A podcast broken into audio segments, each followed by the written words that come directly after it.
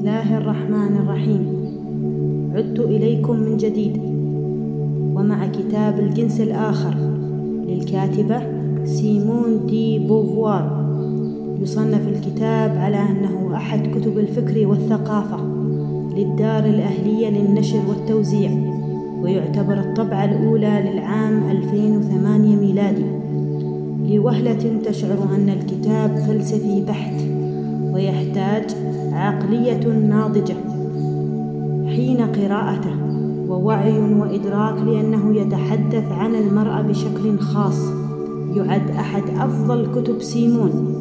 يحكي هذا الكتاب عن تاريخ مفصل حول اضطهاد المرأة على مر السنين حيث تناقش المؤلفة في هذا الكتاب أهم سؤالين. السؤال الأول كيف وصل حال المرأة إلى ما هو عليه اليوم؟ وما هي الأسباب لعدم تكاتف النساء سوية لمواجهة العالم؟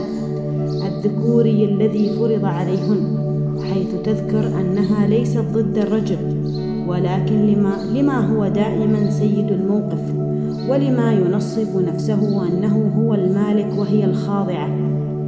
كيف حدث هذا منذ التاريخ إلى يومنا هذا؟ ينقسم الكتاب إلى ثلاثة أقسام وهن المصير وتاريخ وأساطير. وكل قسم ينقسم لعدة فصول.